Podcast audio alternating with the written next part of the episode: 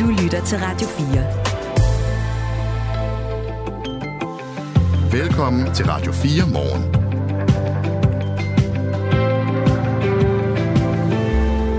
Du har måske en fridag i dag. Mig? Nej, Nå, er det ikke sådan, man øh, tit... Jeg synes, det er sådan Nå. tit, når man er til frisøren, så er det det, de starter med. Du har måske en fridag i dag, ja. og det kan man jo godt forstå. Fordi man skal jo starte et eller andet sted med det der small talk, man skal have gang i, mens man skal klippes, eller farves, eller krølles, eller hvad man nu skulle, øh, skal hen hos frisøren. Men for nogen kan det altså være lidt...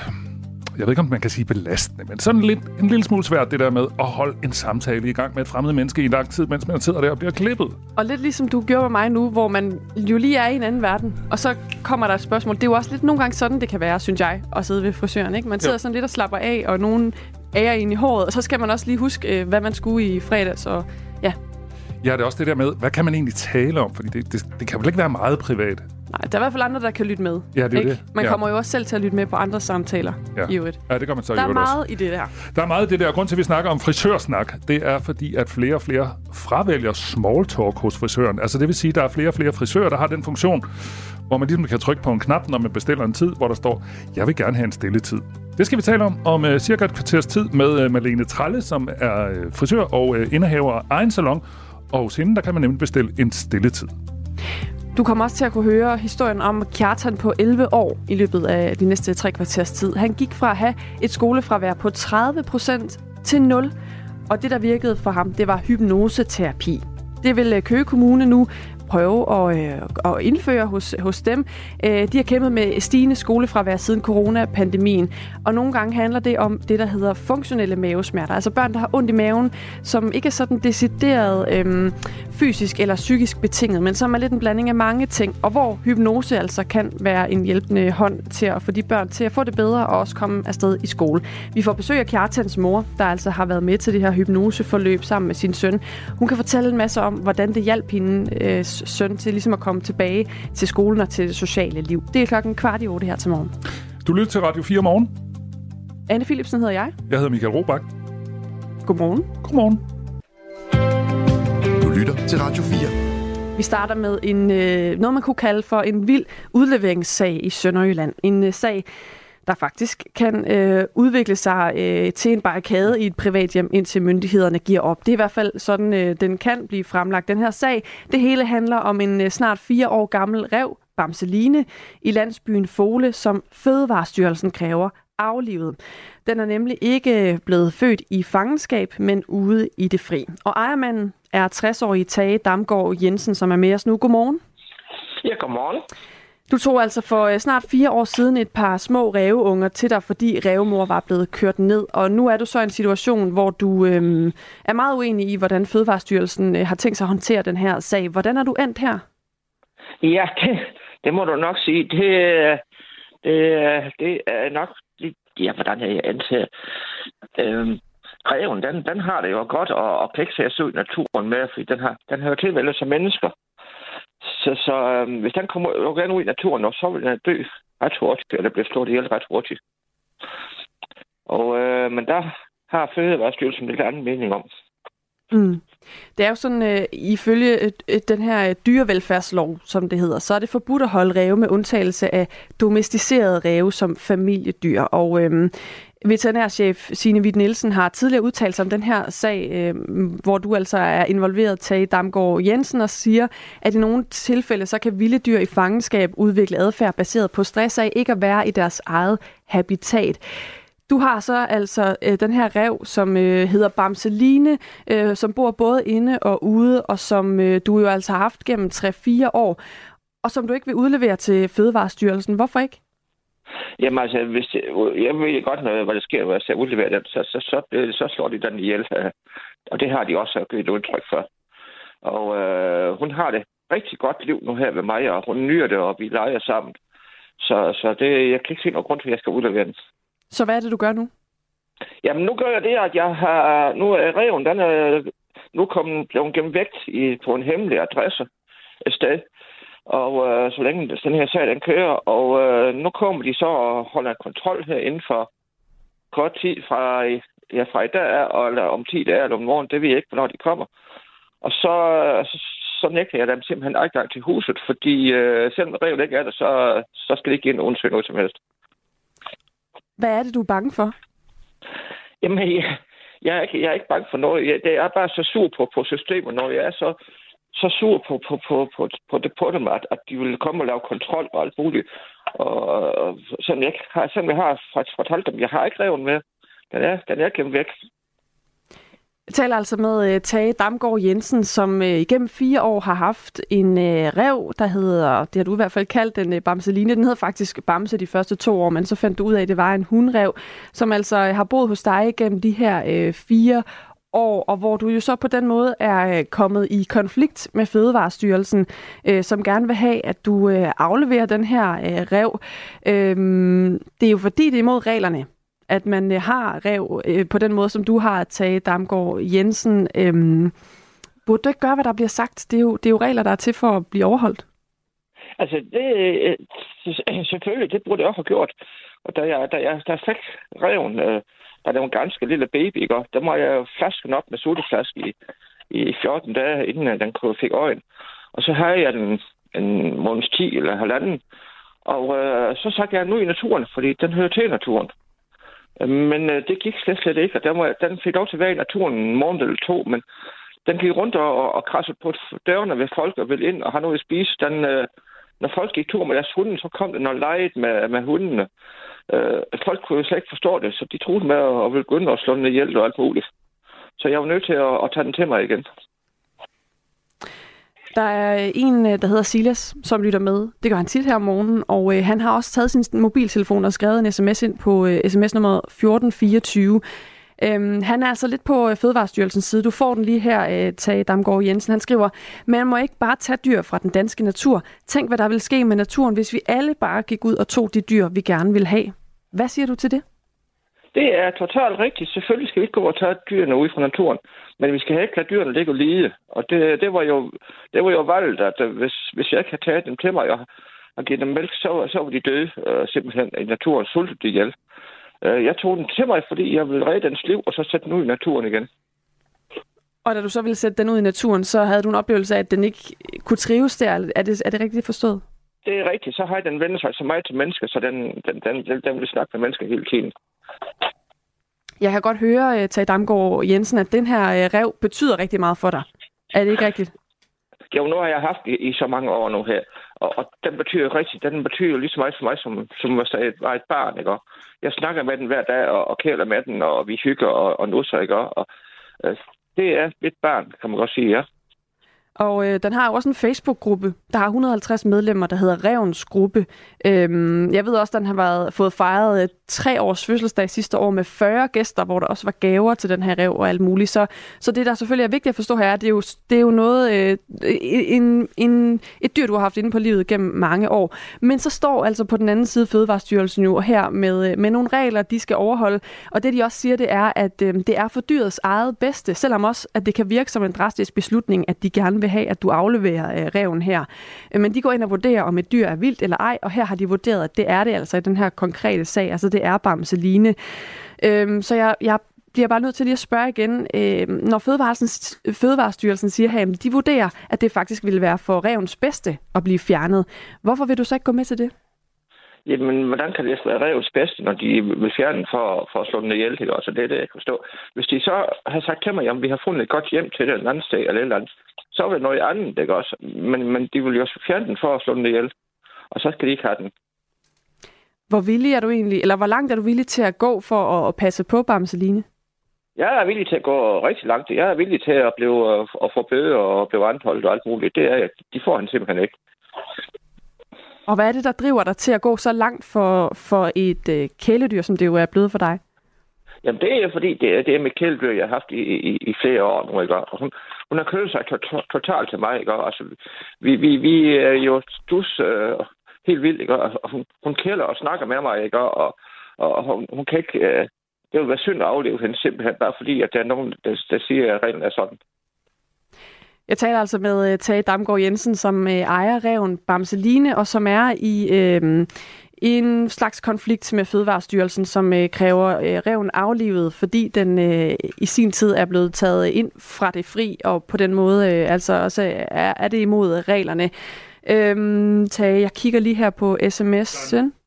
Du Der- har nogen, Michael? Ja, der er bare en masse støtte faktisk til Tage. Der er en, der skriver, de skal bare lade den rev være. Hvad skade kan den gøre?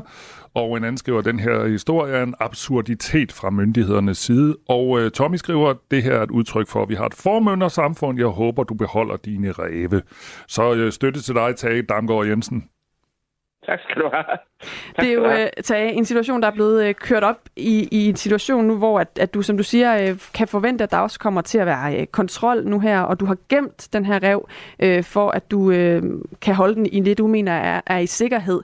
Når du sådan ser tilbage på den her, det her forløb, er der egentlig noget, du så vil ønske, du havde gjort anderledes? Øhm, det er jo svært at sige. Jeg vil jo, jeg vil jo ønske, at reven kunne leve i naturen, da jeg lå den ud første gang, eller at den kunne til naturen. Det ville jeg jo ønske, den har kunnet, men, men det kunne den desværre ikke. Så, så, så det, øh, ja, det er det, jeg ville have ønsket. Men øh, nu er det for sent. Nu er jeg nødt til at tage varten, så længe den lever. Mm. Tak, fordi du ville øh, fortælle om det her til morgen. Ja, det er Jørgen. Tak skal du have. Tage Damgaard Jensen, som altså ejer den her rev Bamseline, som øh, er hovedpersonen i den her øh, tvist med Fødevarestyrelsen. Klokken er 16 minutter over syv. Annika Aukær, hjertelig velkommen til Portrætalbum og velkommen i din egen stue. Tak. I Portrætalbum bruger Anders Bøtter musikken til at vise nye sider af sine gæster. Jeg har været 9 eller 10 og bare været helt besat af det her album. Hun synger helt sagte til en start og en helt blød guitar. Og så blev hun mere og mere aggressiv i sin vokal. Jeg havde jo ikke set nogen, hvor det var fedt, at altså, en kvinde var vred. Det var ikke nogen steder. Det var ikke lovligt. Altså, Lyt til Portrætalbum i Radio 4's app, eller der, hvor du lytter til podcast. Radio 4. der var et eller andet i den der vrede, som bare talte så hårdt til mig. Ikke så forudsigeligt. I går blev det meldt ud, at den britiske kong Charles har kræft, og øh, det er ikke blevet meldt ud, hvor i kroppen den 75-årige britiske regent er blevet syg.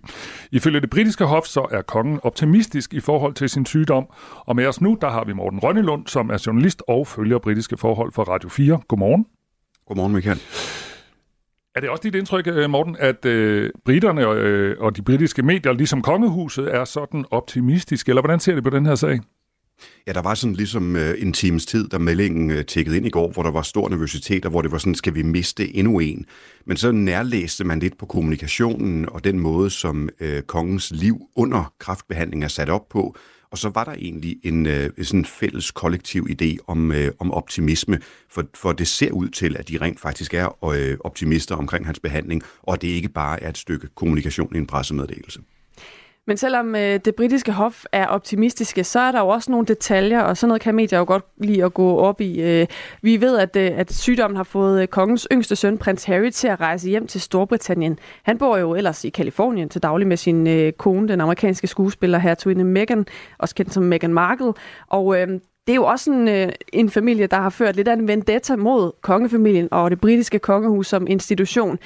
Hvis øh, kong Charles' sygdom er så udramatisk, som det måske kommer til at lyde i pressemeddelelsen her, hvorfor skulle prins Harry så haste til England og, og på den måde jo være ved sin fars side? Men det var en spekulation, der også øh, var der og stadig er visse steder, men man kan opstille den på, øh, på, på flere måder. For det første, det er stadig hans far, og han er syg, og når man siger ordet kraft, så vil, det, vil de fleste, øh, fordi det har været i nærheden af de flestes familier, straks reagere, og så tager man selvfølgelig hjem. Og meddelelsen fra Harry og hans folk, det er, at han kommer inden for et par dage, så det er altså ikke som om, han er hoppet på natflyveren med det samme. Øh, selv hvis man forestillede sig, at han var iskold ligeglad, øh, og stadig havde en vendetta, og det var det vigtigste for hans øh, tilværelse, øh, så er det nok ikke nogen vindersag at være ligeglad med sin far. Så der var ikke så meget andet, han kunne gøre, hvad enten man læser situationen meget positivt eller meget øh, negativt. Så selvfølgelig kommer han hjem, når, når diagnosen kraft bliver sagt højt. Det er sådan altid meget svært med sådan nogle her øh, sager, hvor, hvor den her slags øhm, hoved, overhoveder får en sygdom, fordi man altid skal passe på med ikke allerede at male fanden på væggen, øh, man skal passe på med ikke allerede at, at lægge kongen i graven, om jeg så må sige. Og samtidig er det selvfølgelig også noget, det, øh, tænker jeg, der bliver meldt ud, fordi øh, man også fra det britiske kongehus side har har brug for ligesom at sige, jamen øh, sådan her ligger landet. Øhm, er det her noget, som gør, at der også bliver et fokus nu på, på kronprinsen, altså den britiske kronprins øh, William, og, og, og er der nu en forventning om at det britiske, hos det britiske folk, at nu skal de begynde at, øh, at gøre sig klar til at tage over i, i kronprinsfamilien, eller, eller hvordan forholder britterne sig til det? Jeg tror ikke, at der er nogen øh, britter eller nogen i kongehuset, der endnu har den tanke andet end, at manden er 75, så en eller anden form for forberedelse må vi nok gøre. Og selvfølgelig er der noget med, efter at, øh, at kongefamilien, altså dem, der er officielt kongelige og har forpligtelser, at det er blevet trimmet, ligesom også det danske kongehus øh, i et, i et vist omfang, jamen, så er man lidt presset på, hvor mange opgaver man kan nå. Men kongehuset har været meget specifik i sin pressemeddelelse om, at vi siger alt det her for at undgå spekulation. Så skru lige ned for spekulationerne derude. Og så er der også nogle detaljer om, hvordan kongens øh, schema ser ud, mens han er i behandling.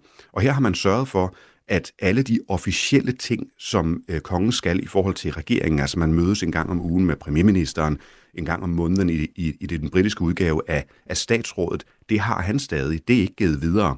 Der er en masse andre opgaver, der er givet videre til, øh, til William og til, øh, til hans øh, hustru, dronningen, og, og til andre kongelige. Men det, som har med forfatningen at gøre, kan man sige, selvom Storbritannien ikke har en egentlig forfatning, men alt det officielle i forhold til regeringsførelsen, det ligger stadig hos kongen, og det har man været meget specifik med. Han kan stadig godt passe sit arbejde. Han skal bare ikke ud og være for tæt på sådan, øh, den almindelige befolkning og trykke for mange hænder, mens han er i behandling. Nu siger du her, Morten Rønlund, det her, øh, den her pressemeddelelse, der er sendt ud fra det britiske kongehus, jo også handler om, at de, de opfordrer til, at man ikke spekulerer. Man kan sige, man eliminerer jo også noget spekulation ved at være så åben, men der er jo også masser masse ting, der ikke bliver sagt. Det bliver ikke sagt, øh, hvad for en type kræftsygdom øh, kongen har, og, der er heller ikke, som jeg i hvert fald lige har kunne se en masse detaljer om, hvad for en type behandling øh, han skal i. Øhm, så, så den her idé om, at det, øh, skal undgå, man skal undgå spekulation, er det egentlig noget, der virker i praksis? Ja, altså forløbet har det virket udmærket med de her detaljer om hans øh, arbejdsskema, og at de rent faktisk har øh, fortalt, at det er kraft. De har også sagt en enkelt oplysning, nemlig at det ikke er prostatakræft, for det var det, han oprindeligt var, var inde for at blive øh, opereret for en forstørret prostata, og den viste sig at være øh, ganske ufarlig, men i forbindelse med det opdagede man så en anden krafttype. Men der er også et punkt, hvor selv kongelige og selv øh, folk i offentlighedens interesse, de må have et eller andet form for privatliv, når det kommer til deres helbred. Du skal heller ikke fortælle din chef hvad som helst om, hvad, hvad der er galt, når du melder dig syg. Øh, og du er selvfølgelig ikke øh, øh dronning i noget land, øh, men alligevel, der, der er også en grænse, hvor detaljerne kan blive lidt for øh, øh, makabre, for at sige det, øh, det rent ud. Så jeg tror også, der er noget sådan privatliv i det. De er gået så langt, som de kan, og de er i hvert fald gået længere, end kongehuset har gjort historisk set, netop for at undgå, at, øh, at, at folk ikke bare opfinder eller gætter for mange oplysninger. Men jo, der er mange, der godt kunne tænke sig at vide, hvilken type kraft, som man kunne få en øh, bedre vurdering af, hvad chancerne er. Men altså, kraftforløb er meget forskellige fra person til person, så spørgsmålet er, om ikke også det bare vil øh, sætte nye spekulationer i, i alle retninger i gang. Tak skal du have, Morten Rønlund. Selv tak. Godmorgen. Godmorgen. Journalist, der altså følger britiske forhold for os her på Radio 4. Klokken er 23 minutter over syv. Du lytter til Radio 4 morgen. Der er godt nyt til dig, der ikke orker small talk hos frisøren. Flere frisører tilbyder nemlig såkaldt stilleklip, og det er til dig, der gerne vil læse en bog eller arbejde eller bare sidde i stillhed, mens du får fikset håret. Det skriver DR. Marlene Tralle har en øh, frisørsalon af samme navn i Odense. Godmorgen. Godmorgen. Du tilbyder det, det her stilletid på din hjemmeside, altså samme behandling, samme pris, men uden small talk. Hvorfor tilbyder du det? Jamen, det tilbyder jeg, fordi lige netop som du selv siger, det er jo ikke alle, der synes, det er super rart at blive krydsforhørt, som nogen kan føle det, når de kommer i salongerne. Så folk, de sidder musestille, og så står du og klipper dem musestille? Ja, egentlig. De får lov til at bare sidde og ja, slappe af, eller arbejde, eller læse på deres telefon, eller ja, de tager det bare stille og roligt, og det er jo egentlig mest nok det der med, at der er nogen, der ikke kan lide at blive spurgt ind for meget ind til deres eget liv eller familie, eller ja, bare ikke synes, det er rart at sidde og snakke med en fremmed på den måde. Mm. Hvordan har man egentlig, altså nu kan folk så selv vælge den her stilletid, men hvis du før øh, du havde den her service, øh, fornemmede, at der ikke var nogen, der sådan rigtig gad at snakke, hvordan har du så taklet det hidtil? Jamen, før corona havde vi blade i alle salonger. Jeg ved, at nogen har taget dem tilbage, men rigtig mange, inklusive mig selv, har valgt ikke at tage bladene tilbage i salongen, fordi det er jo en kæmpe udgift for os, og øh, kunderne under corona blev rigtig gode til at tage deres eget læsestof med selv, eller arbejde, eller vi ser en større tendens til faktisk, at folk har arbejdet med. Øhm, ja, og så var det jo egentlig, så synes jeg, jeg manglede lidt den der, når de tog et blad, så var det ligesom en indikator på, at de ikke havde lyst til at, øh, at snakke. Og den manglede jeg jo så lidt nu, når vi havde bladene taget ud. Mm. Øh, og et fortal vil jo komme i en salon med, eller til en, de ikke kender, og sige, jeg har ikke lyst til at snakke. Så er det lidt nemmere, når den ligesom er booket hjemmefra, så ved både jeg og kunden, at det er bare lidt en professionel snak, og så kan de få lov til at sidde og snakke, slappe af bagefter. Det kan jo nogle gange være sådan lidt underligt mellem mennesker, når der bliver meget stille. Skal vi, skal vi ikke lige prøve at være stille i nogle sekunder, bare lige for at prøve, hvor ubehageligt det nærmest er? Vi er lige lidt stille.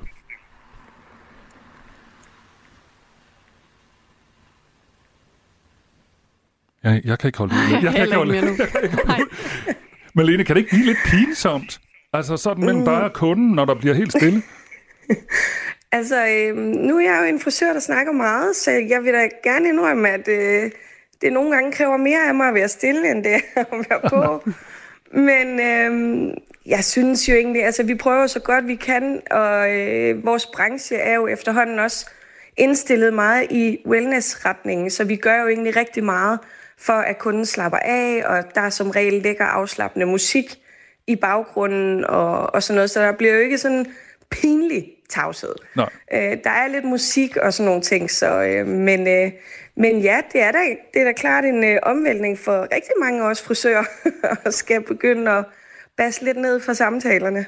Vi taler med øh, Malene Tralle, som er frisør i Odense, og Malene tilbyder stilletid i sin øh, salon, og det er altså en ny tendens, at man kan booke en tid, hvor man øh, på forhånd siger, jeg gider ikke rigtig at snakke med frisøren. Det her fænomen, det handler også om øh, den situation, hvor man ligesom er sammen med sådan et halvfremmed menneske, og så skal man finde på noget at snakke om, og det kan jo være svært. Altså, jeg synes tit, man bliver mødt med, når du har måske en fridag i dag, og så kan man sige, ja, det har jeg, og så må man prøve at håbe på, at det går, øh, den, øh, at der er, bliver noget at snakke om ud fra den snak. Bliver I egentlig uddannet i at smalltalke, øh, når man bliver uddannet som frisør, frisør, eller er det bare noget, man skal kunne, når man har taget den uddannelse? Altså jeg vil sige, der ligger ikke sådan en decideret uddannelse øh, bag det, men det er selvfølgelig et stort punkt på uddannelsen, at, øh, at man helst skal være åben og, øh, og kunne snakke med folk. Det gør det jo en del nemmere. Der er jo også en del frisører faktisk, der stopper i branchen på grund af det der med at være på, ikke falder dem naturligt. Så det er for hårdt for dem. Det er en for hård branche og skal være på hele tiden. Så for dem kan man sige, at tendensen er jo, er jo rigtig dejlig, at man lige får de der pauser. Øh, men ellers så vil jeg sige, at ja, det, det, er, det falder nok ret naturligt for de fleste at sådan være meget åben og mm. snakke. Mm. Jeg har engang hørt, at nogle frisører skriver ned på sådan en lille kartotekskort, hvad kunden har sagt sidste gang, han eller hun var på ja. besøg, og så kan man lige kigge på det, og så kan man sige, Gud, hvordan gik det med ferien på Mallorca, og de tre børn, og så videre, og så videre. Gør du også sådan noget? Øhm, nej, det gør jeg faktisk ikke, men det er en god idé. Øh, og det er en god idé, kan man sige, hvis man har forretningen, der ligger øh, inde i byen, hvor man har mange strøgkunder eller, eller sådan nogle ting. Man kan sige, mange, jeg har rigtig mange faste kunder, der har fulgt mig i, siden jeg startede i lære. Så, øh, så der, der falder det bare mere naturligt, og så tror jeg bare, jeg er god til at huske det. Mm. Faktisk, ja. Har du nogle stille tider i dag? Har du været inde og kigge i kalenderen? Får du en stille dag eller en snakkende dag? Jeg får faktisk en snakkende dag i dag. og det er en af de lange dage, så det, det, er, det er meget fint. det er jo sådan lidt et øh, nyt fænomen, det her med, at man kan bestille en stilletid. Altså, hvor udbredt er det hos dig? Øhm, altså, som sagt har jeg jo rigtig mange faste kunder. Øh, de joker med, at de gerne vil booke den, men det får de ikke lov til. Øh, og ellers så vil jeg sige, at det er, sådan, øh, det er meget de nye, meget de nye kunder, der, øh, der bruger den, og det er meget blandet faktisk aldersmæssigt. Øhm, igen det der med også rigtig mange, måske faktisk i, i forbindelse med, at de også selv har fået en fleksibel arbejdstid, øh, synes det kan være lækkert at booke den, så de rent faktisk kan bruge tiden på arbejde, når de så er her. Mm. Tak fordi du var med her. Velbekomme. Super spændende øh, fænomen. Jo, tak lige måde. God arbejdsløst på den lange, lange jo, dag tak. i Salon Malene Tralle. Det var godt, at nødbåndet ikke gik i gang, da vi var stille. Nå. Ikke? Så kommer der musik lige pludselig, hvis man er for stille i radioen. Nå, det vidste jeg slet ikke. Nå, så starter så- der et bånd, hvis uh, der er alt for stille, Ja, alt for længe. Ej, der skal, der skal gå lidt mere end et par sekunder. Men det der med stillhed i radioen, det er også et helt fænomen for sig, ikke? Jo. Øh, som Malene også sagde, det er lidt noget andet end en frisørsalon, hvor der er musik og fyndtørrer og alt muligt andet, så bliver det måske knapt så pinsomt. Ja, præcis. Nå, meget interessant. Og øhm, også noget, der faktisk øh, kommer sms'er på. Der er en, der skriver, jeg har haft min frisør i 12 år, og vi snakker både privat og alt andet løse, og vi er blevet gode venner. Ah, sådan, Sådan kan, kan man det også lidt. Ja, præcis. Nu er klokken halv otte. Nu er der nyheder på Radio 4. Danskerne skal 9. juni stemme til Europaparlamentsvalget, og valget falder i en tid, hvor vælgerne i høj grad frygter at blive manipuleret af falske nyheder, misinformation og desinformation. Det fremgår en ny undersøgelse fra et nyt center for sociale medier, tech og demokrati, der åbner i dag. 66 procent af respondenterne, to ud af tre, erklærer sig enten overvejende enige eller enige i, at de er bekymrede for, om udbredelsen af såkaldt fake news giver et skævt billede af, hvad der foregår i Danmark. Endnu flere frygter det, når det gælder billedet af, hvad der foregår i hele verden. Undersøgelsens resultater mødes bestemt ikke med glæde hos kulturminister Jakob Engel Schmidt. Det er noget, jeg i allerhøjeste grad er bekymret for. Som politiker har man jo i lang tid gået og været bekymret for, hvordan de store tech-platforme og de store tech-virksomheders forretningsmodeller påvirker vores demokrati, vores samtale og vores opfattelse af virkeligheden. I undersøgelsen skændes der mellem misinformation og desinformation. Misinformation handler om nyheder, historier og opslag og andet, som indeholder falske oplysninger, men hvor afsenderen ikke er bevidst om, at indholdet er forkert. Desinformation handler om bevidst at sprede faktuelt forkert indhold. Det kan ske med henblik på at snyde eller vildlede. Danmark ligger trygt i et globalt smørhul, når det gælder fred og velfærd samt gratis adgang til uddannelse og lægehjælp. Vi kan klatre op i samfundet og få os hjælp, hvis vi skulle drætte ned igen. Men mange borgere har det skidt fysisk og psykisk på en lang række områder. Det viser nye tal fra Statens Institut for Folkesundhed. Tallene bygger på svar fra godt 10.000 adspurgte. Undersøgelsen er en mellemregning efter corona på de store nationale folkesundhedsundersøgelser, hvor den seneste kom i 2022. Og selvom der bliver lidt færre rygere og forbruget af alkohol er faldet en smule, har mange fortsat ondt, spiser mere usundt, bevæger sig for lidt og bliver stadig tykkere. Næsten hver femte er svært overvægtig, og overvægten trækker oftest en række kroniske sygdomme i sit kølvand. Oveni viser det mentale helbred såsom stress, angst og ensomhed en negativ spiral. Den sociale ulighed løber som en rød tråd gennem undersøgelsen, fastslår forskningschef Anne Illemann Christensen fra Statens Institut for Folkesundhed. Når vi kigger på parametrene enkeltvis, så ser vi i stort set alle de parametre, vi kigger på, at der er en social ulighed. Men det vi også kan se, det er, at når vi kigger på de her ophobninger eller flere samtidige risikofaktorer, så ser vi også en social ulighed.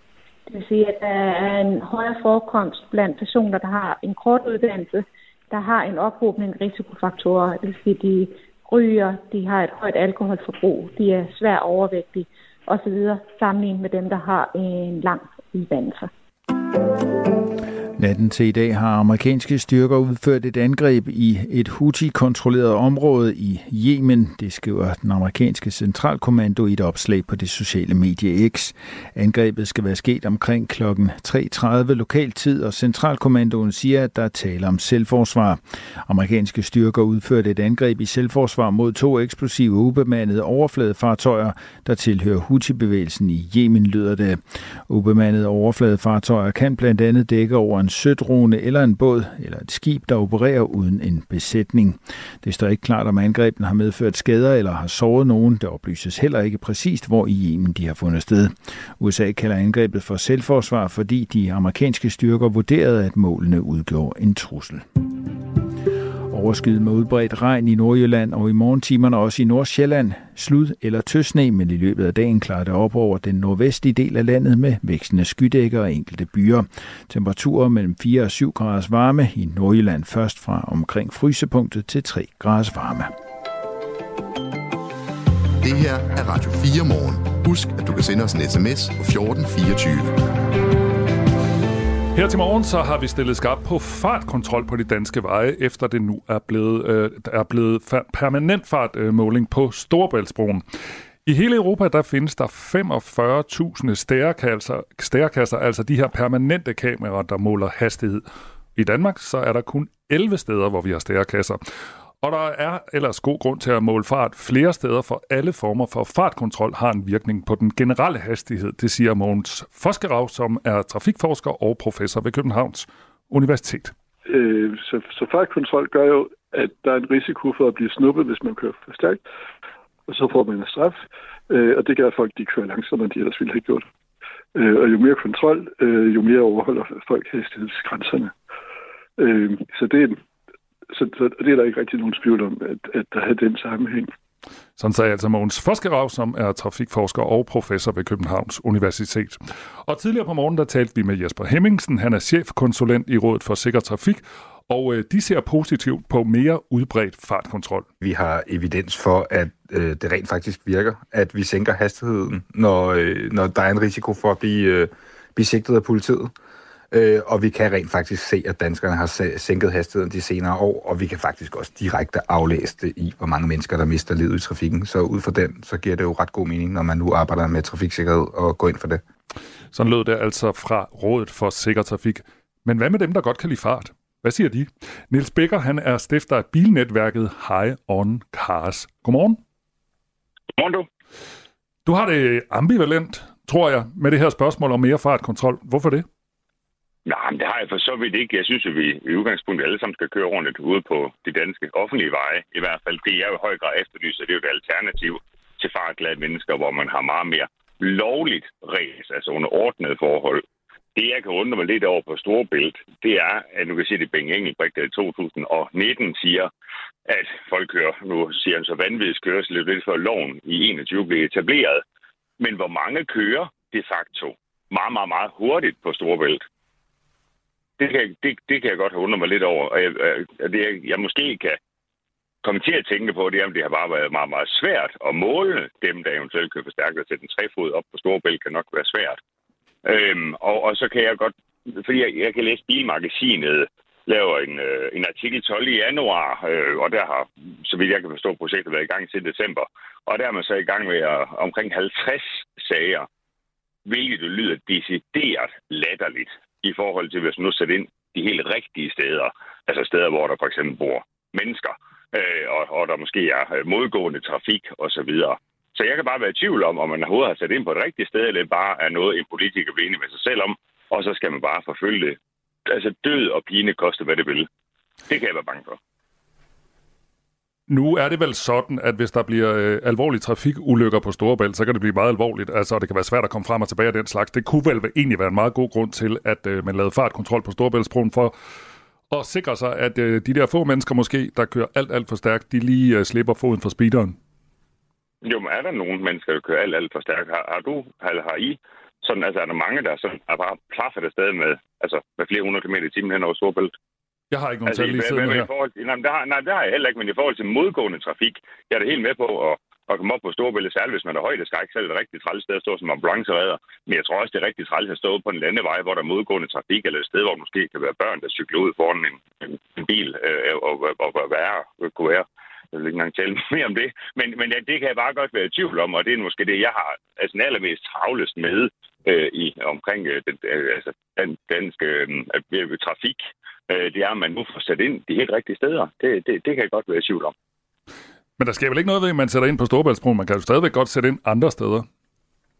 Øh, jo, men altså, hvis jeg går ud fra en devise om koste, hvad det koste vil, så kan man da sagtens. Men jeg tror, det er lidt mere effektivt, når man sætter en træfod op.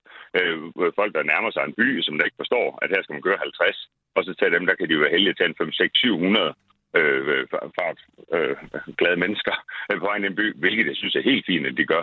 Men hvis det ikke er rigtigt, at man har taget 50 bilister på en 3-4 uger på daværende tidspunkt på Storebælt, nu tror jeg, der kører, øh, nu har jeg jo ikke fuldstændig styr på, hvor mange biler, der passerer Storebælt, men det er nok ikke sådan super få i hvert fald så tror jeg måske bare, at man er sat ind det forkerte sted. Men det må tiden jo vise. Det må tiden vise. Vi taler med Niels Becker, som er stifter af det, der hedder det bilnetværk, der hedder High on Cars. Øhm, nu starter du med at sige, at du sådan set ikke har noget mod øh, trafikkontrol, men øh, så endte du med at være temmelig kritisk over for det, der sker på Storebælt. Det er også helt fint. Hvis, hvis der nu skulle være sådan mere permanent fartkontrol, og det skulle være mere udbredt, hvordan vil du så gerne have det så ud? Jamen, jeg har sådan for så vidt ikke noget imod det her faktum med, at vi har rigtig mange stærkasser. Du har også selv ind på tidligere, øh, sagde du, der var 13 stærkasser i Danmark. hvilket, hvilket er fuldstændig åndssvagt. Jesper Hemmingsen på, du du sikkert trafik var tidligere inde på øh, noget omkring Aarhus. Nu bor jeg selv i Aarhus, og det er nok på Grenevej, han på tænker, det er. Og det er så den, der kørte på en firesporet landevej, kan man sige, på vej ind mod Aarhus, altså Grenevej. Og der går du fra en 80-zone, og så går du så kort en 70 og til en 60-zone. Og det virker jo fuldstændig efter hensigten, og det er simpelthen, fordi man nærmer sig en by. Hvis du kører den modsatte vej, så kommer du også rigtig meget. Det kan godt narre lidt. Det vil godt kunne lide en vej på landet, hvilket man ikke er, for der er både Føtex, hjem og Fix, etc. på vej ud af vejene. Mm. Så det vil sige, det giver super god mening med en stærkasse. Den har været der så længe, som jeg i hvert fald kan huske. Og det kan undre mig, at den ikke er der. Og det, jeg godt kan lide, det er, at selvfølgelig skal vi køre ordentligt. Og igen, som jeg også startede med at sige, jeg synes bare, der skal være et alternativ.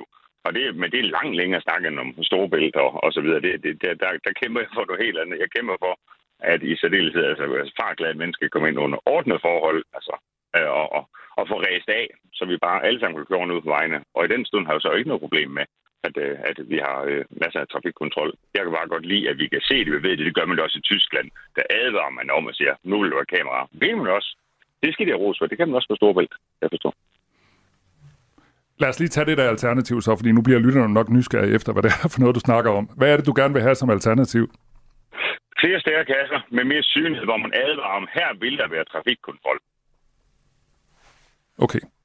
Som vi var inde på før, så er der 11 steder med stærekasser, altså permanente fartkameraer i Danmark, og der er fire på Sjælland, en på Fyn og seks i Jylland, altså steder. Tror du ikke, mm. mere fartkontrol, altså hvis nu vi satte flere op, det er jo ikke ret mange steder, 11 steder, altså i hele Europa er der 45.000 øh, stærekasser. Tror du ikke, mere fartkontrol vil få flere til at køre langsommere? det Sikker Trafik, der skal spare på det. Øh, det eller svare ikke spare på det, det skal det svare på. Øh, men men øh, det, øh, umiddelbart, så er det med det naturlige udsagn der, vil jeg sige, jo, det tror jeg da. Men jeg tænker også, at vi kunne have mere fokus på opmærksomhed øh, i trafikken, i stedet for, der er jo heldigvis ualmindeligt få trafikdræbte, øh, og en for meget. Øh øh, øh, øh, en dræbte og en for meget, det er helt med på. Øh, men, men jeg er ikke sikker på, at vi vil sætte ind de rigtige steder. Jeg vil gerne gå tilbage til at sige, at vi skal meget mere fokus på der, hvor menneskerne er, øh, end ude på Storebælt, eller når, når de sætter en træfod op på vej mod Bilund Lufthavn på en fire sport vej med, med, med autoværn i midten. Det, det forstår jeg ikke helt. Mm. Øhm, om, om, om det er der farten dræber, det har jeg svært ved at se. Men nu er du jo også en voksen mand. Tror du ikke, det kan være godt for helt unge bilister med benzin i blodet, hvis det bliver målt mange steder, også på motorveje? Mm, jo, men jeg oplever ikke, at de kører sådan super meget for hurtigt på motorvejen. Altså, farten bliver sænket dag for dag, dag. Jo flere elbiler, der kommer på vejene, jo mere naturligt virker det, at man kører langsommere, for man vil også gerne nå hjem. Øhm, så, så, det, så jeg tror, at, at jeg tror stadigvæk bare på, at vi skal have langt flere alternativer. Det er noget, jeg kæmper for. Jeg kan sige, øh, at bokse i byen eller bokse i en bokseklub. Øh, det, der, der er nok bedst i bokseklubben, og det er det samme, jeg siger, nu er det unge mennesker, du selv er inde på. Der vil jeg gerne give dem langt flere alternativer, hvor de kommer ud lovligt at få ræst af. Og så er jeg sikker på, at så kører de fuldstændig efter forholdene øh, resten af tiden. Og det, du efterlyser, det er sådan lukkede baner eller et eller andet, hvor folk kan få lov at øh, komme og give den gas? Det som der jo egentlig startede med at quarter mile race i 40'erne i, i USA, og så er blevet udbredt til hele verden, og nu bliver afskaffet i større og større grad.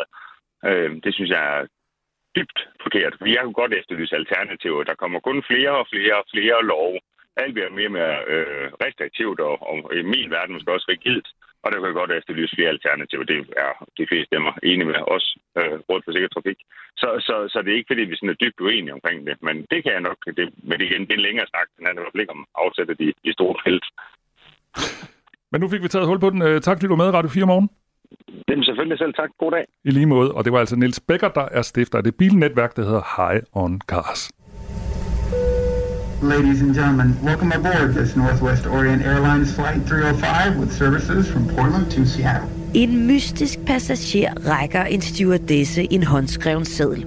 Miss, you'd better look at that note. I have a bomb. Det handler om D.B. Cooper. Manden, der plyndrer et fly. Han vil have 200.000 dollars kontanter. Hopper ud af det med faldskærm på og øh, forsvinder sporløst. Lyt med, når Krimiland genåbner sagen om den mystiske flykabrer DB Cooper i Radio 4's app, eller der, hvor du lytter til podcast. Det er den eneste uopklarede flykabring i FBI's historie. Radio 4. Ikke så forudsigeligt. Omkring hver tiende barn lider af det, man kalder funktionelle mavesmerter. Det er øh, smerter i maven, der ikke skyldes øh, fysiske eller psykologiske årsager, men hvor mavetarmsystemets helt normale funktioner udløser smertefornemmelser i en grad, så det faktisk også betyder tit, at de her børn de får et stort skolefravær. Og øget skolefravær, det fører til både faglig mistrivsel og social mistrivsel. Og så går det jo også ud over forældrenes arbejde tit, fordi de så skal blive hjemme med børnene. Derfor så vil Køge Kommune nu forsøge med noget nyt, nemlig med hypnoseterapi. Det er et forløb, de har indkøbt for 50.000 kroner hos den private virksomhed Min Magiske Mave, hvor Anna Knakkergaard er læge og selvstændig hypnoterapeut.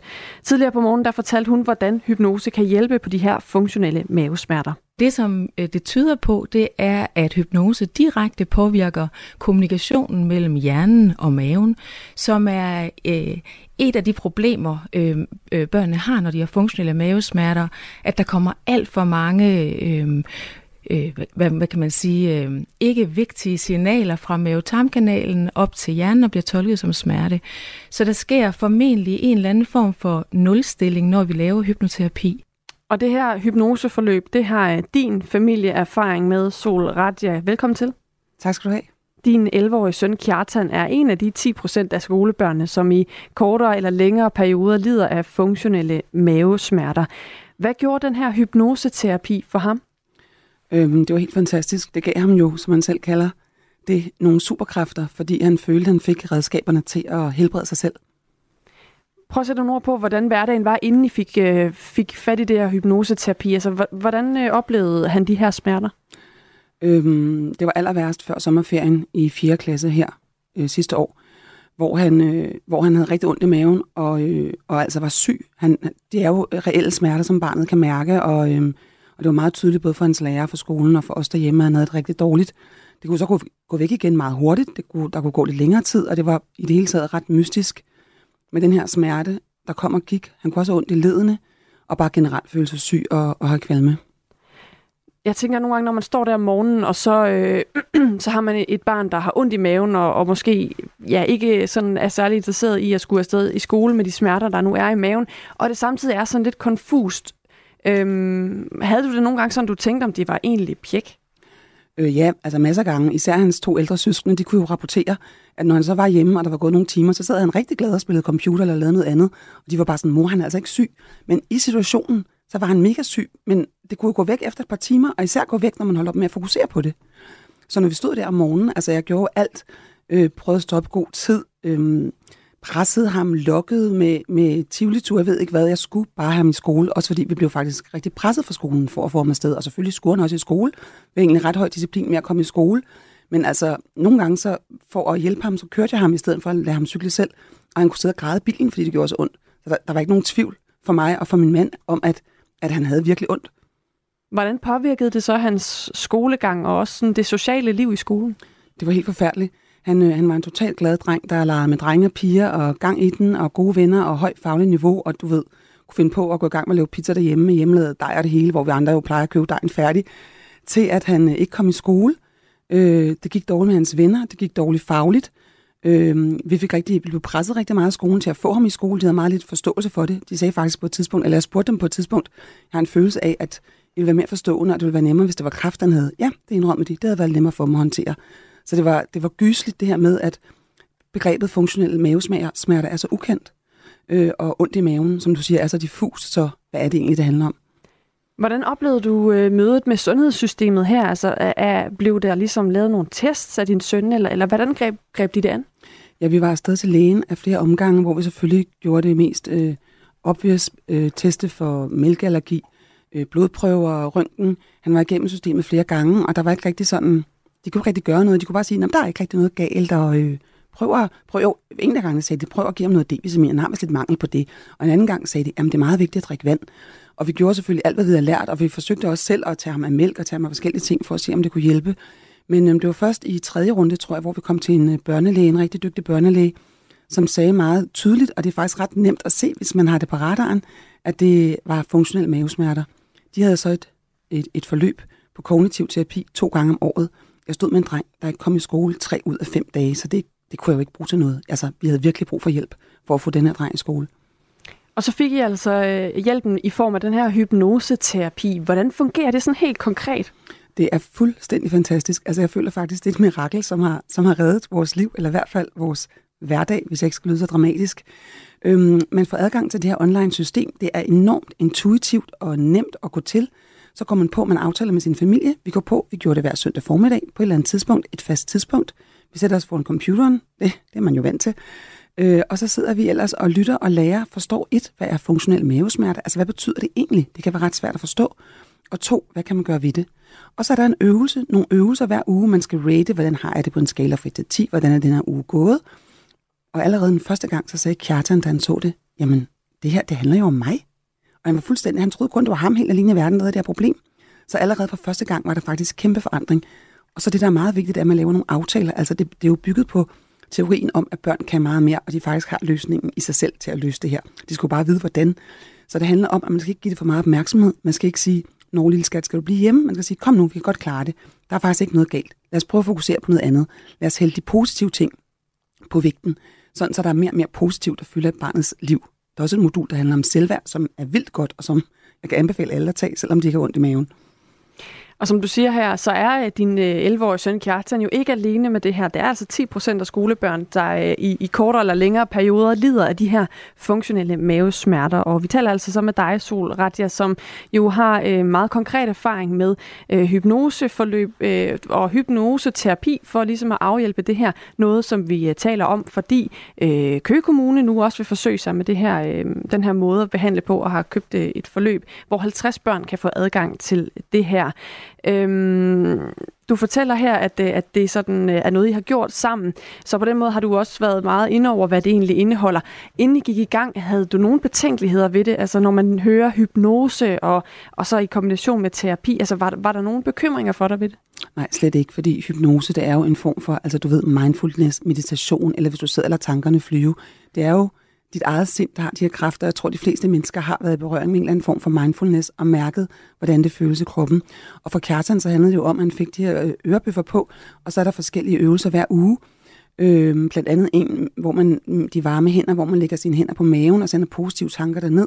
Og det lyder måske lidt lala, men det er faktisk enormt kraftfuldt, at du ligger koncentreret, går ind i dig selv, har det godt, og tænker positive tanker og styrker dig selv og styrker de fornemmelser i kroppen, der er sunde og raske og faktisk har et redskab. Hvis nu du så som barn vågner om morgenen og shit, du har det ikke så godt, så kan du lægge dig ned med dine ørebøffer, lytte til det her, få ro i kroppen, grounde dig selv, og så faktisk tage dem af helt glad og sige, okay, nu er jeg faktisk klar til at gå i skole. Altså, det er helt fantastisk.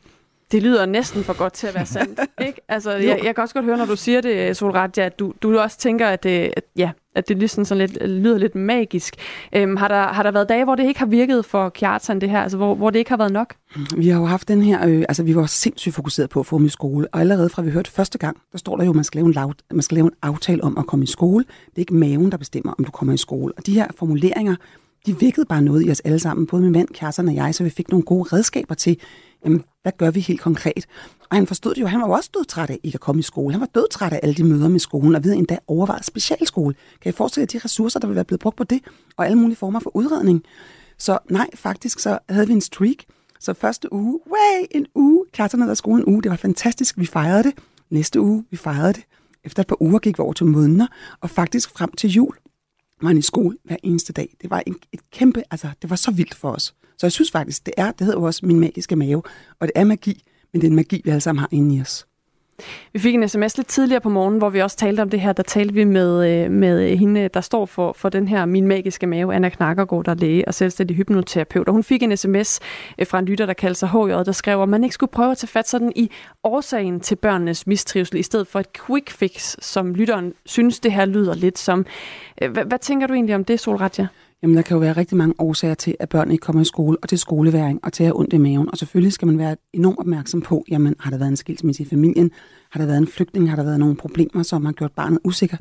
Men der er faktisk også rigtig mange af de her børn, som bare har ondt i maven. Det kan være, der har været noget i fortiden, der har sat det i gang. Det kan også være en maveinfektion, men som nu gør, at de går og døjer med det her. Man kan sige, at det på en måde sætter sig lidt fast i systemet, eller den her funktionalitet mellem mave og hjerne er blevet forstyrret.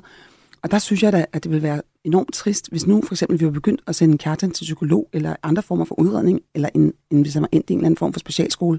Han var nok ikke kommet igennem, men, men øhm, Nej, jeg synes faktisk, det er fantastisk, at vi kan give børnene nogle redskaber, så de kan hjælpe sig selv. Og det betyder selvfølgelig ikke, at vi ikke skal se på den, den store mistrivsel, der også er de andre årsager, de sociale medier, for lidt normering for mange børn, alle de andre ting, der kan være medvirkende faktorer til, at børn ikke trives i skolen. Selvfølgelig skal vi se på det, men hvad skal alle de børn, der går ondt i maven? Altså skal de bare gå og vente på, at de voksne de får fikset rammerne, og får vi fikset rammerne, så er det jo fantastisk, at vi har et redskab til børnene og til familierne, så de i hvert fald kan tage et kæmpe skridt selv for at styrke den her trivsel. Tusind tak, fordi du ville fortælle om øh, jeres erfaringer, Sol Radja. Selv tak. Tak fordi. Hov. Selv tak, øh, og god dag til dig. Altså mor til 11-årige Kjartan, som, øh, som har lidt af de her, og lider af de her funktionelle mavesmerter, men som også har haft god gavn af den her hypnoseterapi, som Køge Kommune nu vil tilbyde børn fra næste uge. Du lytter til Radio 4 morgen. Anne, kan jeg ikke lige få dig til at åbne vinduet og række armen ud? Hvad så? Kan vi få en Det drypper. Det drøber, og det er i Aarhus. Det er og så det, præcis, det kan blive for mig. Det drøber. Og øh, andre steder, der er mere end drøber, det fordi nogle steder, der falder der 50 mm regn over halvandet døgn, og det er altså, hvad der normalt falder i en hel måned. Det skal handle om regnvejr. Andreas Nyholm, meteorolog på TV2 Været. Godmorgen igen. Godmorgen. Jeg siger igen, fordi vi talte også med dig tidligere i morges. Hvordan ser øh, situationen ud lige nu? Jamen, den ser sådan ud, at vi netop har passeret de her 50 mm, så de øh, vildmængder regn, vi snakkede om i går, jamen de altså viser sig holdt stikker, kommer nok også højere op, end det vi vurderede i går. Øh, lige nu, mellem øh, Bilund og Brande, der er vi oppe på 50,7 mm regn, siden det startede i går, og vi mangler nok stadigvæk 10 mm på de kanter, så, så det bliver nok omkring de 60 mm. Det er altså mere end hvad der falder på en hel måned i februar. Normalt så snakker vi om 50 mm, og det har vi passeret nu her, og det er selvfølgelig klart, det er det højeste sted i landet lige nu, jeg snakker om, men det er meget, meget store mængder. Sådan mm. fra Midtjylland ned mod Sydland, hen over Fyn, hen over Sjælland, der ligger vi på sådan en 25 til, til 40, så, så meget, meget store mængder regn. Og så som man sikkert kan se ud af vinduet, ikke bare her i København og Aarhus, men det regner stort set i hele landet lige nu, og det bliver det ved med i mange timer endnu. Du nævnte også tidligere i morges, da vi talte med dig, at der også er faldet sne nogle steder. Hvordan står du til med det? Ja, men der er faktisk øh, overrasket også med Solrå lidt. Der faldt en del sne over både øh, ja, København, Nordsjælland øh, og så over Øster og Nordjylland her i går nat. Øh, og og øh, her til morgen, der sneer det stadigvæk sådan øh, slud tøsne over øh, Himmerland og Nordjylland, mens det i Nordsjælland er gået over i regn. Og her er temperaturen på vej op, så, så det sne, der er faldet, det vil smelte i Nordsjælland, og det er faktisk også så småt ved at smelte i det østjyske, og vil sådan i løbet af de næste timer også begynde at smelte i Nordjylland, så det hele ender i tø, men der er altså stadigvæk nogle steder, hvor der ligger noget sharp og sne tilbage og gør det glat her for morgenstunden. Nu er der nok mange, der har fundet regnbukserne og regnfrakken frem. Øh, Hvornår kan vi putte den ind i skabet igen? Ja, vi skal faktisk... Øh, ja, efter frokost vil jeg sige, i Nordjylland er det sådan øh, nok allerede lidt øh, tørvejr her i løbet af formiddagen, men det meste af landet, der skal vi altså frem til sådan i løbet af eftermiddagen, og jeg for eksempel Aarhus, der er det nok ved en trætiden, øh, Odense København sådan en 4-5-tiden, og så Bornholm, det er de sidste, hvor det sidste sted, hvor regnen slipper en gang i sådan 8-9-tiden i aften. Så det er meget langvejt endnu, og der kommer altså mere regn, end, end det, der er faldet nu. Så, så jeg forventer altså ret store udfordringer med de her lavt liggende områder, de steder, hvor man har haft problemer med opstigende grundvand og så videre. Det, det er massivt, det her regnvejr, vi ser.